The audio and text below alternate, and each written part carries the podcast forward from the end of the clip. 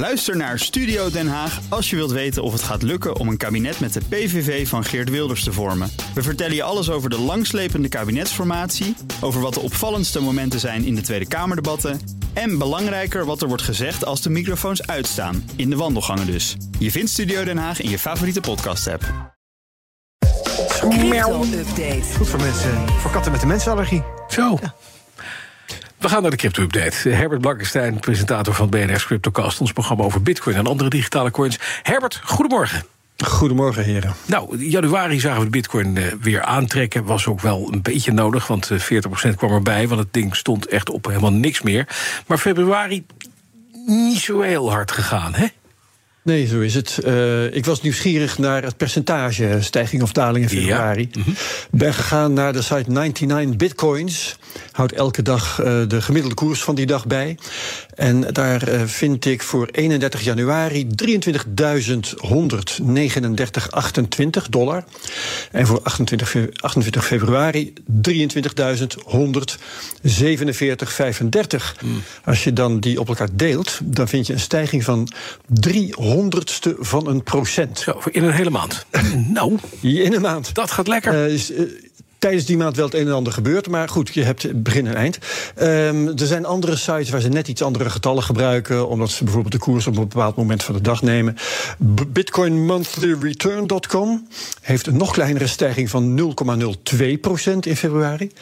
En toen ben ik eens gaan kijken hoe zit dat historisch. Nou, er zijn wel maanden geweest met stijgingen of dalingen van minder dan een procent. Januari 2017 plus 0,22%.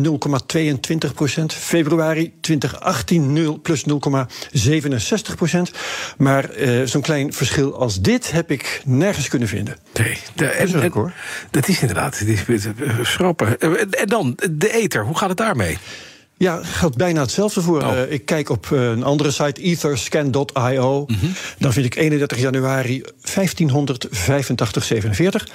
Uh, 28 februari 1604,71. Dat is bijna precies een procent hoger. Nou, is in ieder geval iets meer. Andere bron. ja, ja, het is in elk geval nog iets. Ja. Er is een andere bron, CryptoRank.io, die zegt 1,14 procent. Nou, kijk ik ook weer naar de maanden in het verleden... kan ik voor de ether in het hele bestaan van de coin... geen maand vinden met zo'n kleine stijging of daling.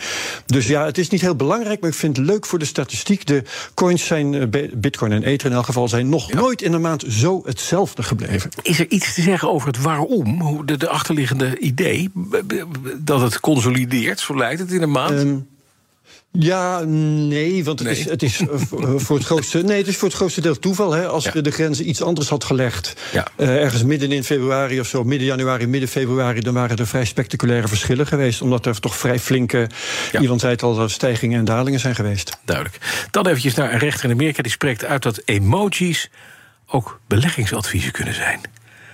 Dat vind ik knap. Ehm, ja, dat is leuk. Dus het gaat over Dapper Labs. Dat is een Amerikaans bedrijf dat, eh, pas op Bas, eh, NFT's op de markt te brengen. Oh, ja. En wel van de Amerikaanse basketbalcompetitie. Dat ding heet, die NFT-serie heet NBA Top Shots. En op de achtergrond heb je dan de vraag: zijn die NFT's beleggingen? Zijn ze effecten, securities? Uh, is dat zo, dan heeft Dapper ze illegaal aan de man gebracht, dus dat is belangrijk. En een van de argumenten in die zaak is dat er reclame voor die NFT's werd gemaakt via een Twitter-account. En dat heet dan natuurlijk NBA Topshot. En daar werd heel veel gebruik gemaakt van die emojis. Bijvoorbeeld de zak met dollars, ken je wel. Ja. Um, de oplopende koersgrafiek. En ook wel veel gebruikt in cryptoland, de opstijgende raket. Ja, ook.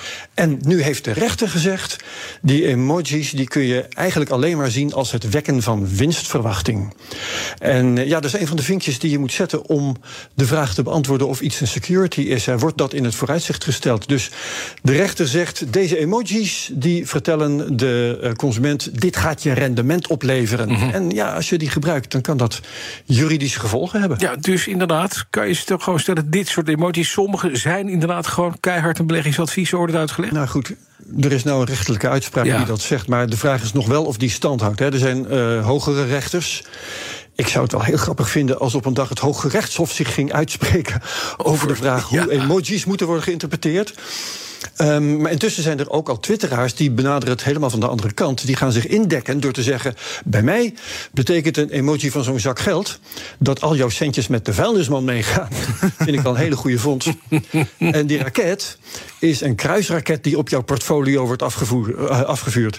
een beetje ja, zoals wij in de CryptoCast elke keer voor de zekerheid zeggen... wat we ook hier beweren, het is geen beleggingsadvies. Neem je eigen beslissingen. En uh, ja, dan ben je een beetje gevrijwaard... maar ook helemaal juridisch ook weer niet. Helemaal, nee, dus, precies. Ja, het, het, hangt nog een beetje, zal ik maar zeggen. Oké, okay. wie gaan hier nou potentieel last van krijgen? De bedrijven die, die alleen maar NFT's met, met raketten verkopen... of ook andere clubs? Nou ja, uh, allerlei bedrijven en ook wel individuen... die um, zich met, met beleggingen bezighouden en daar uitspraken over doen. Kijk, als je dit serieus gaat nemen...